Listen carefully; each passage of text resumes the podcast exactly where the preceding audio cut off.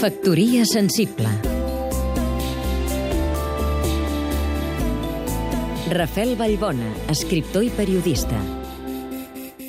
Les llistes dels llibres més venuts converteixen el lector en gregari, li uniformitzen el gust, fixen criteris de prioritat arbitraris i mesuren el talent creatiu a tant el quilo de paper.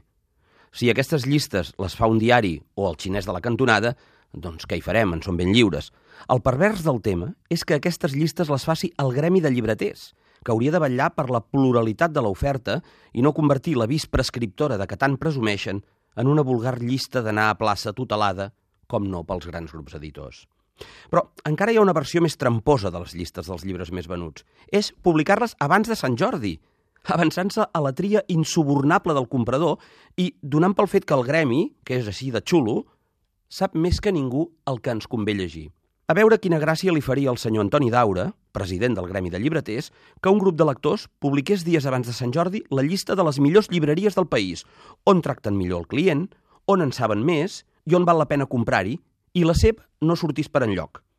Segur que protestaria per atemptat al lliure mercat, manipulació i no sé quantes coses més. Doncs, pels escriptors, les seves llistes són el mateix.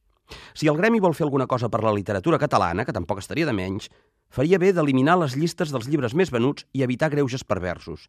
Fer llistes, netes o manipulades, només és una vessant més d'un espectacle que ha de seguir, és clar, però culturalment no van en lloc. I no cal que ho disfressin fent-se els bons prescriptors. Fa riure. Factoria sensible Seguim-nos també a catradio.cat